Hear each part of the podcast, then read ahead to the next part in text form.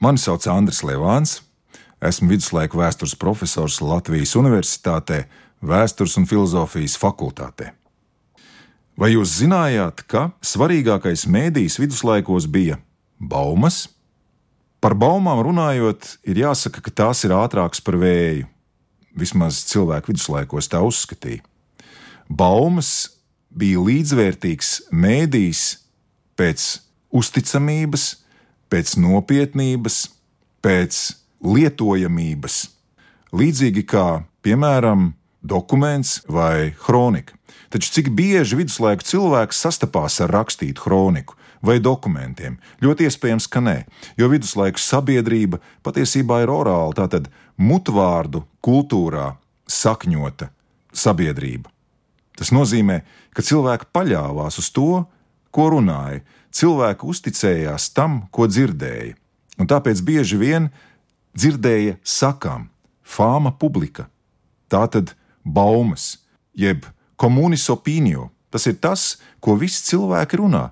Un, ja visi cilvēki runā, tad, tad tas ir tas, ko cilvēki domā. Tas ir tas, ko cilvēks zina. Citiem vārdiem sakot, tā ir viduslaiku komunikācija kultūra, kurā baumas ieņēma ļoti, ļoti nopietnu lomu. Ja mēs palūkojamies, tad baumām ir milzīgs spēks. To zinām mēs arī šodien. Taču viduslaikos iespējams vēl jau vairāk, jo, piemēram, viduslaiku Livonijā dažādi strīdi bija Un šos strīdus par parādiem, par naudu, par tiesībām, kas ir atņemtas vai kas ir zaudētas, par pāri nodarījumiem, ko Vācu ordenis bija nodarījis Rīgas arhibīskapam, vai Rīgas pilsoņi bija nodarījuši Vācu ordenim, vai viens tirgotājs otram, tad bieži vien tiesas priekšā tika jautāts, kas ir tas jūsu informācijas avots, kas jums liek ticēt jūsu paustajiem vārdiem. Tad lūk, liecinieki vai tieši otrādi apsūdzētie vai apsūdzētāji atsaucās uz baumām. Un proti, ka baumas ir tas, ko visi cilvēki zina. Protams, neviens nevarēja pierādīt, tāpēc liela loma bija lieciniekiem, kurus pieaicinot varēja pārliecināties, vai tad lūk, baumu saturs ir patiess un visiem zināms. Ja liecinieki, un parasti tie bija 12 un vairāk, kur tika tiesas procesā pieaicināti, ja viņi visi varēja apliecināt to, ko baumās varēja dzirdēt, tad lūk, baumas tika uztverts kā patiesas mēdīs. Šodien mēs pret baumām izturamies ar nicinājumu, viduslaikos ar bijību. Baumas varēja kļūt par iemeslu tam, kādēļ kāda prece mūsdienu terminoloģijā izsakoties varēja kļūt par deficītu. Nu, piemēram, baumas varēja būt par iemeslu tam, kādēļ lins kļuva pēkšņi dārgs. Lina cena cēlās kaut arī Linu varēja brīvi nopirkt eh, Flandrijā vai, piemēram, Dancigā.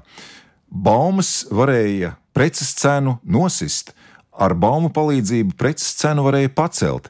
Tirgotāji bija acīm redzot tā grupa, kas vai nu ieguva, vai nu arī ļoti daudz zaudēja, kā mēs to uzzinām no tirgotāju vēstulēm. Tirgotāji, starp citu, ļoti baidījās no baumām, jo tieši viņi zināja, cik lielā mērā ir atkarīga viņu veiksme preces pārdošanas veiksme, labas cenas veiksme. Baumas varēja likt cilvēkiem atstāt savus mājas.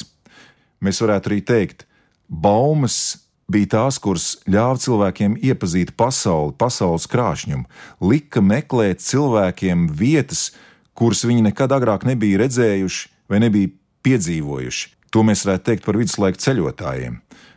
Marko Polo, ja viņa stāsts ir patiess, arī patiesībā ir no vienas puses baumu radītājs, no otras puses pozitīvs baumu upuris, kurš pateicoties tam, ka viņš bija dzirdējis, cik krāšņa esot pasaule, gribēja doties šajā pasaulē, lai to pieredzētu, proti, uz Ķīnu, uz Indiju un uzzināt to, par ko cilvēki runā, vai tas ir patiess vai tas ir nepatiess.